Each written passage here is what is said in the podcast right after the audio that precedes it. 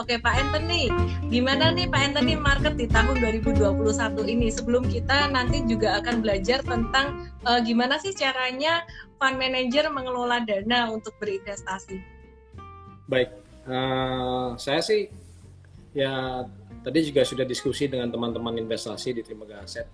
Uh, intinya pada tahun 2021 sih kita bullish ya, Uh, ada beberapa hal yang nanti saya sampaikan kenapa kita sebagai fund manager melihat 2021 cukup bullish. Uh, ada beberapa faktor ya, mungkin tiga hal yang saya highlight. Uh, yang major, yang pertama kan memang di Amerika tahun lalu di akhir tahun kita uh, uh, apa di nggak tahu mesti bergembira atau bersedih hati ya apa tapi Biden Joe Biden menang uh, untuk pemilu di Amerika sehingga uh, ya intinya Demokrat akan menang dan kemungkinan ada kemungkinan mereka Demokrat akan berhasil meng, uh, mengontrol uh, uh DPR-nya gitu ya istilahnya. Hmm. Nah hmm. itu malah lebih bullish lagi gitu ya. Intinya kalau Joe Biden yang menang dengan pemerintahan Demokrat, uh, US dollar itu cenderung melemah. Nah kalau dalam era ketika US dollar uh, cenderung melemah, biasanya emerging market secara historis ya, secara empirical uh, dan juga uh, dibuktikan di, di in the past itu korelasinya sangat tinggi. Biasanya emerging market itu uh, doing very well dan Indonesia termasuk salah satu emerging market gitu. Itu yang pertama. Uh, dan yang kedua uh, mungkin kita bisa lihat bahwa vaksin ya vaksin uh, hmm.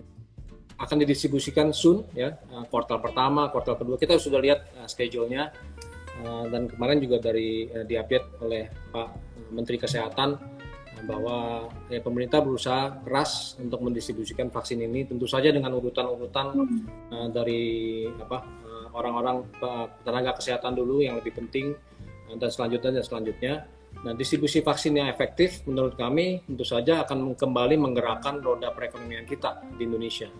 Dan di mana pun juga ya, by the way vaksin juga tentu saja di, di seluruh dunia mulai dikerjakan. Namun yang paling terakhir yang lebih penting eh, yang kami lihat adalah uh, omnibus law.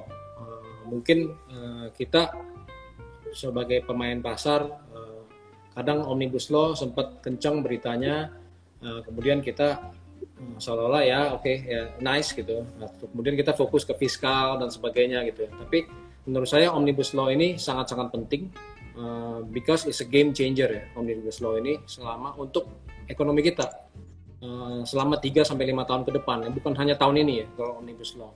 It's a game big big game changer. Uh, it's it's a great thing that yang Pak Jokowi lakukan uh, dengan kabinetnya. Uh, mudah-mudahan semua berjalan mulus. Tentu saja sekarang masih ada apa uh, yang menuntut menuntut ya di, uh, untuk tentang law, tidak setuju dengan law, omnibus law tersebut. Tapi intinya sih omnibus law akan menjadi big game changer buat kita sehingga roda perekonomian kita bisa berjalan lebih lulus. Nah, segala infrastruktur dan sebagainya mestinya berjalan dengan lancar. Jadi it's a big game changer. Uh, selain itu tentu saja banyak seperti uh, fiscal policy kita masih kencang, monetary policy kita juga masih easing ya. Uh, sejalan dengan monetary easing di seluruh dunia sih sebenarnya. Nah, maka dari itu semua ini is like all the stars are aligned, Ellen.